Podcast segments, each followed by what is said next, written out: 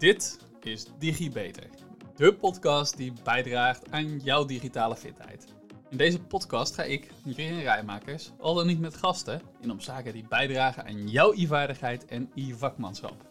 Hey allemaal en welkom terug bij weer een nieuwe DigiBeter. Wat leuk dat je nog steeds luistert naar mijn vakantie. Vorige keer ben ik geëindigd met een stuk over wachtwoorden, waarbij ik het toen had in die vorige podcast over de manieren, de slinkse manieren, waarop cybercriminelen achter onze wachtwoorden proberen te komen. Ik had het erover dat je goed met je eigen spullen moest omgaan. En dat ze social engineering vaak inzetten, waaronder phishing en zaken als keylogging. Daarnaast heb ik het ook nog gehad over wireless sniffing en brute force aanvallen. Maar we zijn er nog niet, want we zijn gebleven bij het zevende punt van de 10. En dat zijn namelijk de dictionary attacks.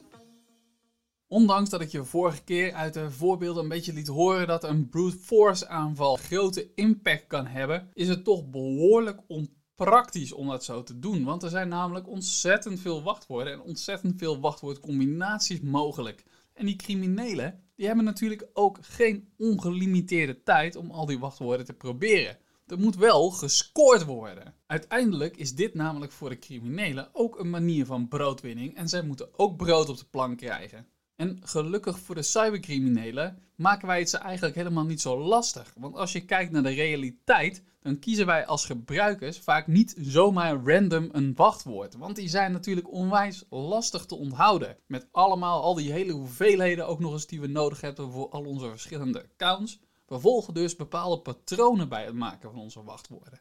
En grappig genoeg blijkt het dat velen dezelfde soorten patronen volgen. Dus wij als mensen zijn niet uniek. Nee, we volgen vaak zelfs dezelfde patronen. En cybercriminelen houden daarom lijsten bij van wachtwoorden, maar ook van wachtwoordpatronen om de aanvallen te vereenvoudigen. Op die manier brengen ze focus aan en ze lopen dus niet alle opties langs, maar vaak gelimiteerde sets. Dit soort aanvallen zijn woordenboekaanvallen, oftewel beter dictionary attacks. Want ja, de digitale wereld dat blijft een Engelstalige wereld. Als je de dikke vandalen hebt, dan weet je dat er als mens dat, hè, dat het nog niet zo eenvoudig is om even door die hele dikke vandalen heen te gaan. Er zijn zoveel opties. Maar een computer heeft daar natuurlijk helemaal geen moeite mee. Vanuit die woordenboekaanvallen wordt dus een grote maar gelimiteerde set met veel gebruikte wachtwoorden gebruikt om aan te vallen. Wachtwoorden zoals wachtwoord, password, QWERTY, welkom 123, welkom 123, uitroepteken, ASDF, JKL en dan uh, punt, komma. Je weet wel, die uh, dingetjes waar de punt boven de komma staat. precies als je met je vingers op die toetsen rust, die 10 vingers. Of zinnen als laat me erin. En natuurlijk gebruiken we ook nog een heleboel cijferreeksen, zoals 1, 2, 3, 4, 5, 1, 2, 3, 4, 5, 6, 1 tot en met 0. En allemaal andere toetsenbordpatronen die eigenlijk voor zo'n systeem ontzettend snel te doorgronden zijn, omdat we die heel vaak gebruiken als mensen, omdat we die heel vaak hergebruiken in onze wachtwoorden. En er zijn heel erg veel van dit soort wachtwoorden te vinden in die woordenboeken. En denk maar niet dat je slim bent, want er zijn genoeg trucs als patroon bekend. bijvoorbeeld, eh, om er een woord te nemen, het woord wachtwoord. Er zijn genoeg mensen die bedacht hebben, ja, maar dat is een veel gebruikt wachtwoord. Dus als ik nou mijn vingers eentje naar rechts toe overal, bij naast elke letter van wachtwoord, en dan niet letterlijk dat woord type, maar dan hervolg je alsnog het patroon van het woord wachtwoord. Nou, sommigen denken dus dat ze slim zijn door hun vingers een toets naar links of naar rechts te verschuiven voor het woord wachtwoord naar eentje naar rechts dan. Nou, wat krijg je dan? Krijg je haakje openen, S, D, D, E, P, T, F. Het is een truc en die truc is al lang bekend. En het is dus ook een truc die in dat boekje staat. Dus die zo'n brute force attack gewoon gaat gebruiken en dan ga je nat. Als ze bezig zijn met gerichte aanvallen, dan wordt ook nog vaak je persoonlijke informatie gebruikt. Persoonlijke informatie die staat vaak gewoon op het internet. En die kun je dus gewoon scrapen. Informatie zoals je naam, je telefoonnummer, je adres, namen van je ouders, broers, zussen, geboortedata, etc. Informatie uit TikTok-filmpjes, Insta-foto's of tweets. Het is allemaal relatief snel en eenvoudig te vinden en zo ook toe te voegen aan zo'n woordenboekaanval als ze jou willen targeten. En dan ga je kijken, net als de vorige keer, of dan zo'n sterk wachtwoordje hier dus wel kan beschermen. Nou, het antwoord is ja, want een sterk wachtwoord, daarmee vermijd je namelijk de veelgebruikte woorden, de veelgebruikte patronen en andere bekende algemene informatie over jezelf. En daarmee is het, als het goed is, dus geen informatie die je in zo'n woordenboekaanval zomaar aantreft. Ik gebruik zelf vaak diverse, totaal verschillende en ongerelateerde woorden waar ik dan een cijfer voor of achter of tussen zet. En als vervanging van een letter soms ook een cijfer gebruik die ik dan inbouw met diverse willekeurige symbolen, zoals bijvoorbeeld een smiley die ertussen staat. Dat soort zaken.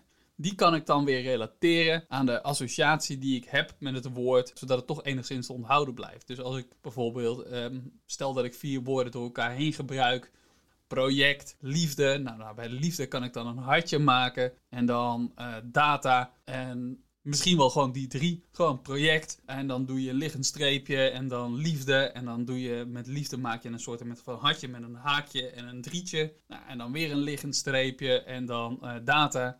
Dan ben je er toch al, dan heb je al iets heel moois en iets heel sterks. Moet je alleen nu niet dit wachtwoord gaan gebruiken, want ja, zodra het is uitgesproken, dan is het op het internet en dan belandt het waarschijnlijk in een van die woordenboeken. Ik had het onlangs ook over die niet beveiligde paswoordbestanden. Toen ik het had over de versleuteling van die bestanden, eh, dat er een paar lekken mee waren. Nou om wachtwoorden veilig te houden, worden ze dus door bedrijven vaak met een hashfunctie beveiligd. Maar helaas doet niet ieder bedrijf dat zoals het hoort. Ik vertelde al dat vanuit de GDPR, vanuit de Nederlandse AVG, het een verplichting is. Je moet namelijk voldoende technische maatregelen genomen hebben om op een op het risico afgestemd beveiligingsniveau te kunnen waarborgen. Niet beveiligde paswoordfiles is een van die zaken die hackers veel targeten. Als bedrijven het niet goed opslaan, ja, dan kan ik er als gebruiker vrij weinig aan doen. Ik zie niet hoe ze te werk gaan en een organisatie zal dat doorgaans ook niet prijsgeven. De hacks van bedrijven die bestanden niet beveiligen, geven je wel een mooi inzicht in veel door gebruikers gebruikte wachtwoorden. Wachtwoorden zoals ik er net ook al een paar voorbij liet komen.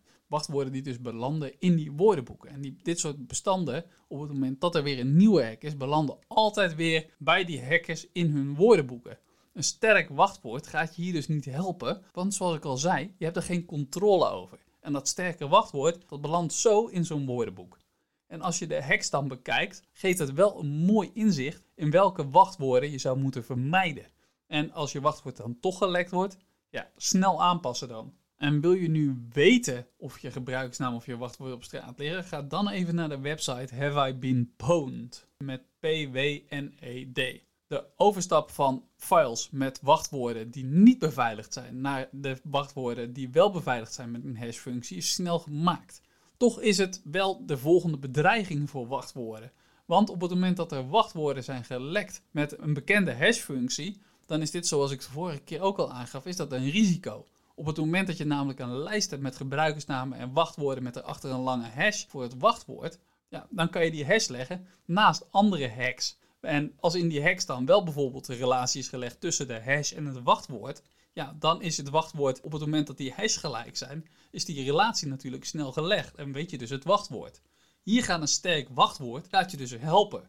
Want hoe sterker je wachtwoord, hoe kleiner de kans dat het wachtwoord al staat op zo'n hele lange lijst die die cybercriminelen gebruiken. En zo kom ik aan bij nummer 10, namelijk de security questions. En ja, dit is het laatste puntje wat ik wil bespreken met betrekking tot wachtwoordhacks. En ik wil het aanstippen, ja, het is wachtwoord gerelateerd.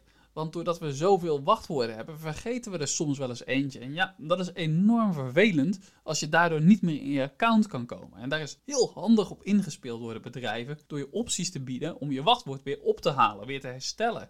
Naast dat je soms op wachtwoord vergeten kan klikken, en je dan een link doorgestuurd krijgt, stoppen sommige bedrijven er nog een beetje extra veiligheid tussen. En die veiligheid is bijvoorbeeld in de vorm van veiligheidsvragen, van security questions. Het interessante is, is dat die veiligheidsvragen vaak vragen naar zaken die je weet. Vragen als, wat is de meisjesnaam van je moeder? Waar ben je geboren? Of wat is de geboortenaam van je vader? Het gevaar is hier dat, ja, ik zeg het nu misschien wel, uh, en misschien is het wel al duidelijk, dat dit soort vragen regelmatig een stuk eenvoudiger zijn om te raden dan het wachtwoord dat je zelf verzonnen had. Als ik wil weten wat de naam is van je huisdier, dan hoef ik misschien alleen maar even door je socials of door die van de socials van je vrienden te gaan om uit te vinden dat je jouw hond Paco genoemd hebt. Dus Wat is nou wel een goede manier om om te gaan met dit soort veiligheidsvragen? Want ja, je komt er niet zomaar omheen. En ze zijn stiekem toch ook wel fijn om te zorgen dat je niet voor altijd de toegang tot je account kwijt bent. Nou, de simpelste manier van ermee omgaan is natuurlijk gewoon simpelweg liegen.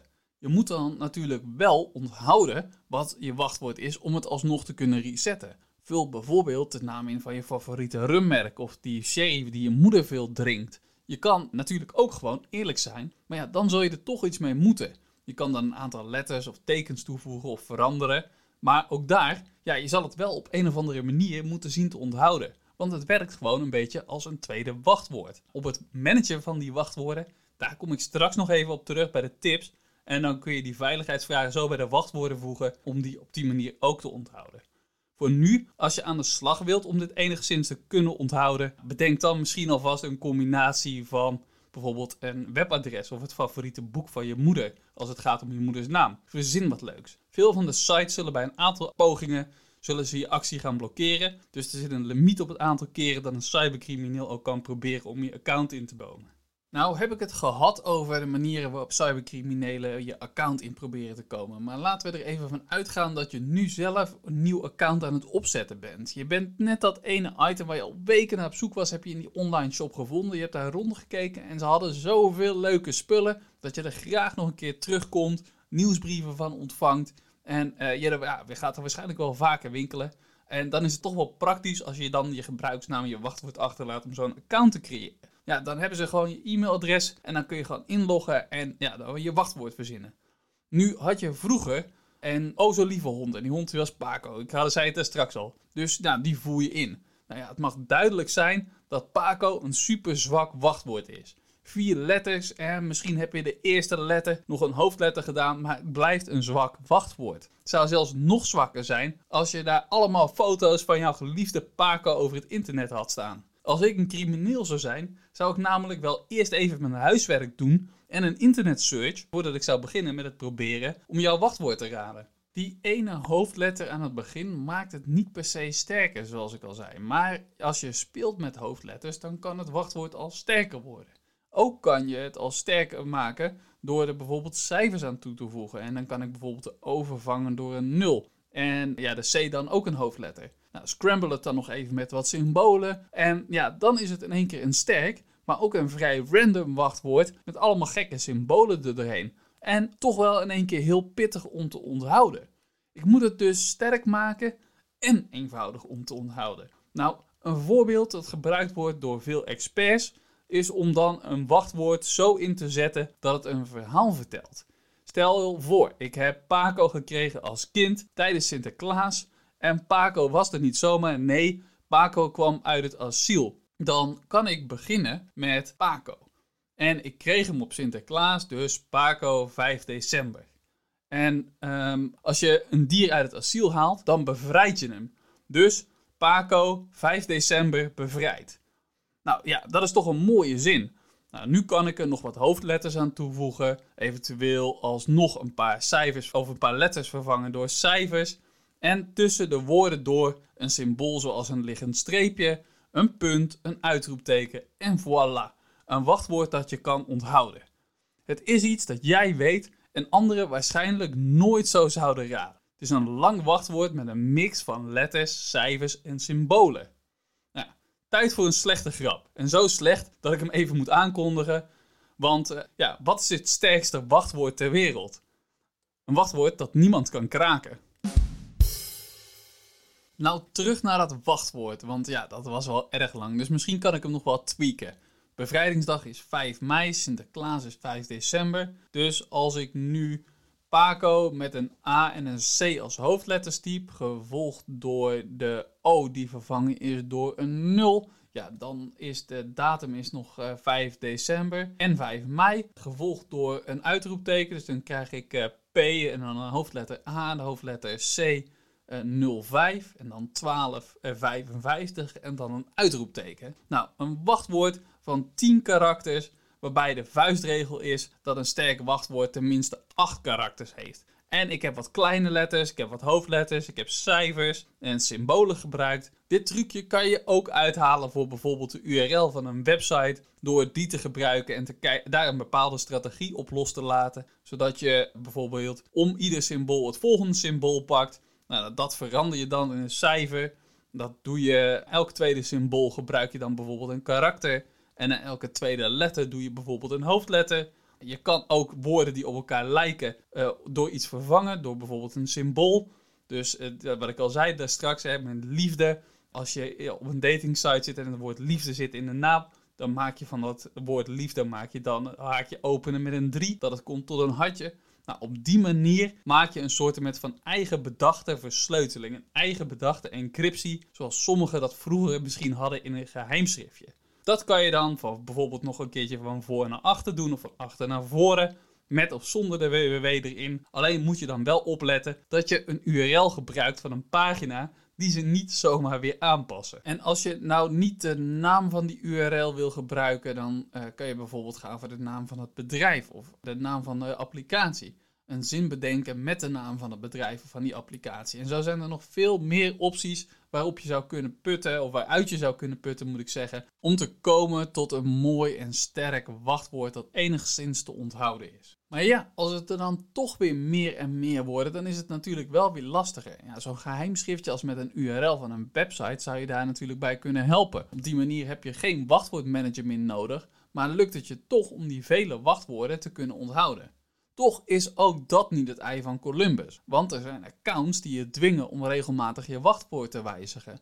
Hoewel er onder experts daarover best nog wel gesproken wordt of het überhaupt handig is om zoiets af te dwingen, maakt ons namelijk vaak wel weer voorspelbaar, omdat we er dan weer eh, een wachtwoord gaan volgen met een eentje of dergelijke. Ja, is het voor nu, is dat, wacht, eh, dat regelmatig wijzigen van het wachtwoord toch nog wel iets dat vaak wordt toegepast. Vaak veranderen helpt dus niet. Het dwingt ons als gebruikers eigenlijk bijna altijd, als we toch een sterk wachtwoord willen gebruiken, tot andere trucs om het te onthouden, om het bij te houden.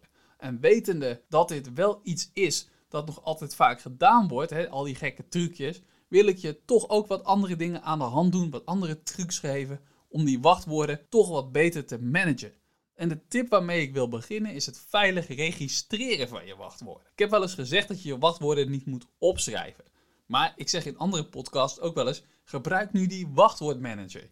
Die twee, nou dat kan een beetje met elkaar conflicteren. Maar zeg over het opschrijven, zeg nooit nooit. Ik heb het vast wel vaker in mijn podcast gezegd: eigenlijk moet je dingen niet opschrijven. Maar ik bedoel daarmee eigenlijk: denk goed na over hoe je met je wachtwoord wil omgaan. Waar schrijf je het op? Hoe schrijf je het op? Onthouden blijft lastig. En als je kijkt naar de vraag, ja, wat is een wachtwoord dat je nou niet vergeet? Ja, een onvergetelijk wachtwoord. Dan realiseer je waarschijnlijk dat een onvergetelijk wachtwoord, dat bestaat vrijwel niet. En al helemaal niet als je ze continu moet veranderen.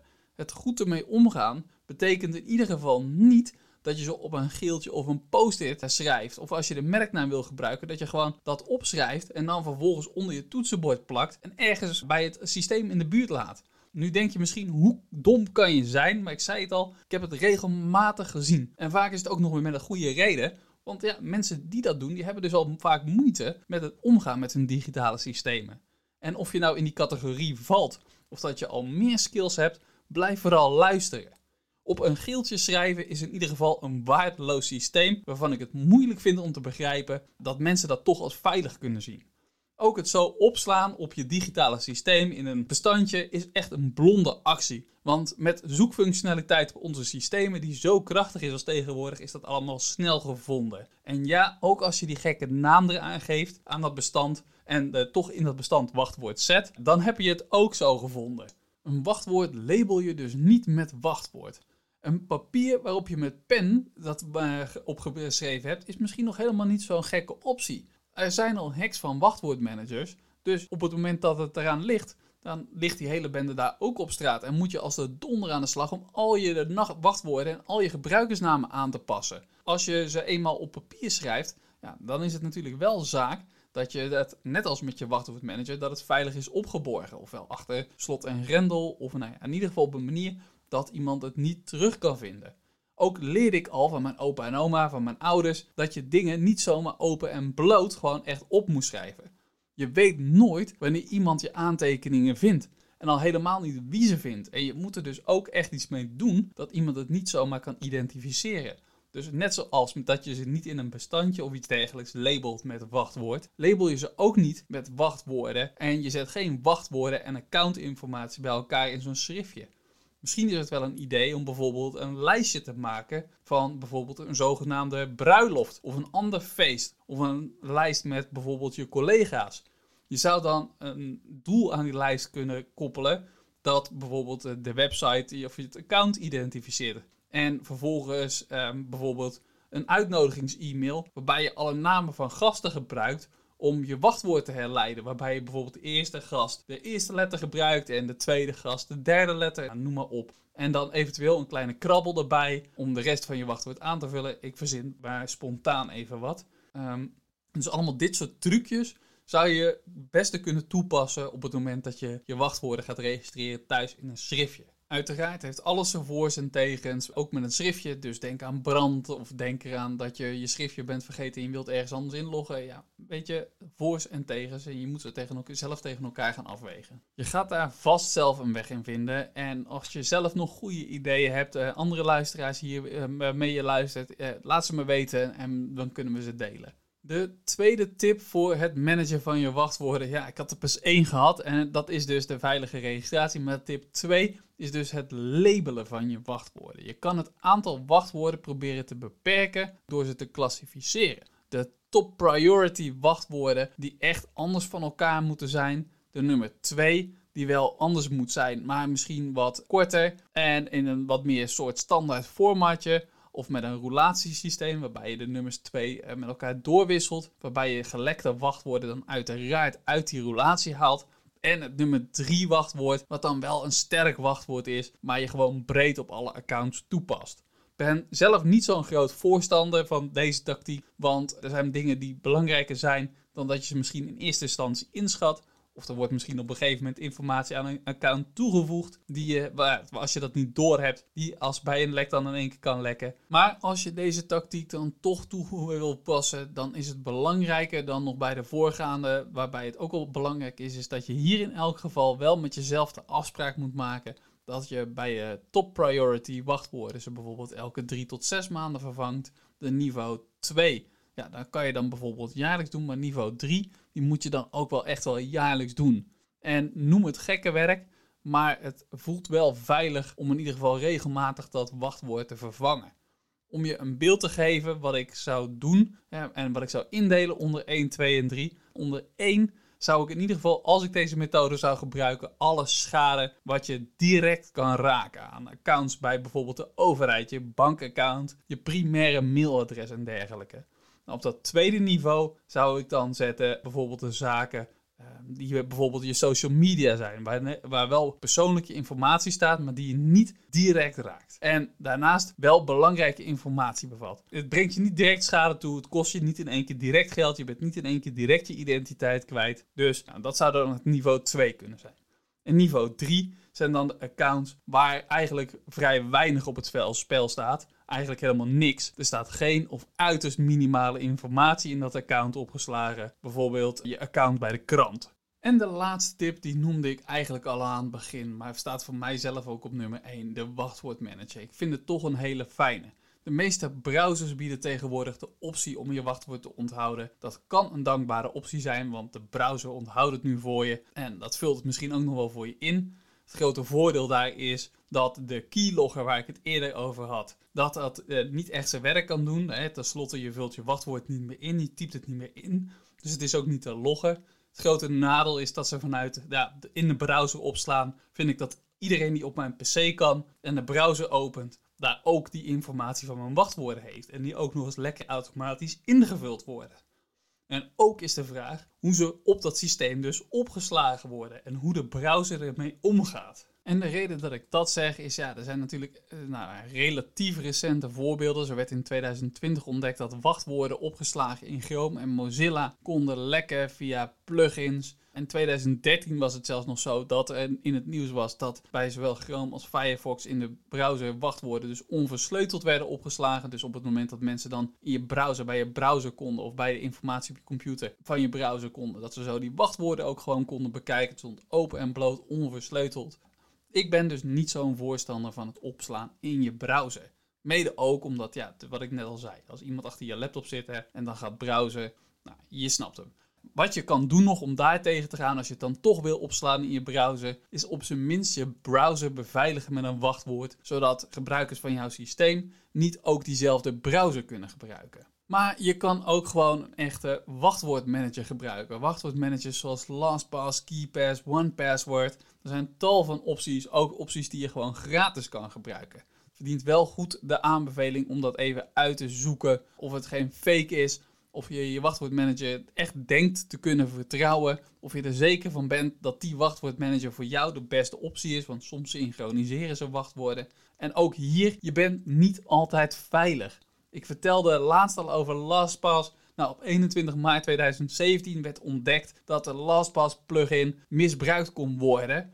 Ja, en dat daarmee dus ook gewoon die informatie te achterhalen is. Met deze informatie kan je dus wel je vraagtekens bijzetten hoe veilig LastPass nog is. En dan nog iets om ook rekening mee te houden, en daar moet ik zelf dus ook, ben ik ook altijd daar wel op aan het letten, is ja, zo'n wachtwoordmanager, die wordt zo langzamerhand een single point of failure. De toegang die wordt geregeld door één masterpaswoord. Als je dat masterpaswoord vergeet, dan heb je grote problemen met een lek waar ik het net over had. Dan zal je ook ontzettend snel moeten acteren, want al je spullen staan erin. En ook als de organisatie in één keer niet bestaat, ja, dan kun je afvragen waar je een backup hebt van die hele lijst met websites, gebruikersnamen en wachtwoorden. Die je altijd zo keurig in je wachtwoordenmanager bijgehouden had. Nou, datzelfde, dat geldt natuurlijk ook als dat boekje in je kluis ligt en je huis afbrandt. En je alles in dat papieren boekje hebt staan.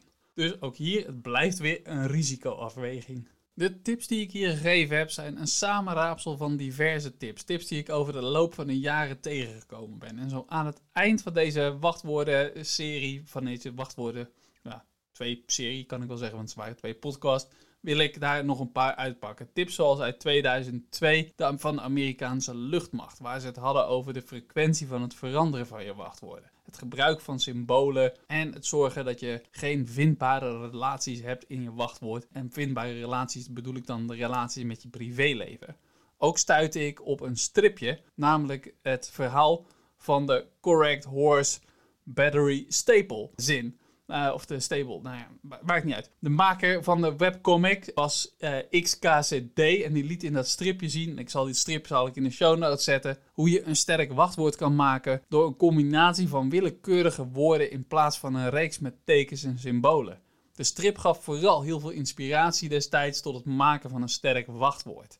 In 2018 was er vervolgens de Duitse beveiligingsonderzoeker Hanno Bock die in het Guinness Book of World Records neerzetten hoe het langste wachtwoord dat er ooit gemaakt was. Het wachtwoord van letters, cijfers, symbolen was zo sterk in theorie dat het onmogelijk te kraken was. Nou ja, ook het Amerikaanse leger maakte gebruik van sterke wachtwoorden en die noemde dat de zogenaamde paardenwachtwoorden.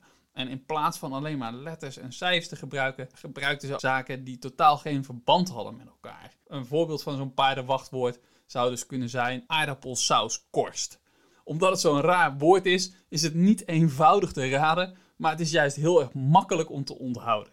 Ik hoop dat ik je met deze podcast in ieder geval wat geïnspireerd heb, wat ideeën gegeven heb om aan de slag te gaan met je wachtwoorden. En ik wil het hier heel graag bij laten, want ik ben er helemaal klaar mee met de wachtwoorden. En dan wil ik de volgende keer gaan kijken of ik wat dieper in kan gaan op onze digitale brieven de overstap van onze papieren handgeschreven brieven naar e-mail. Een transformatie waarbij we, toen we de overstap maakten naar digitaal, eigenlijk bijna letterlijk zijn overgestapt van hoe we toen die brieven schreven naar e-mail.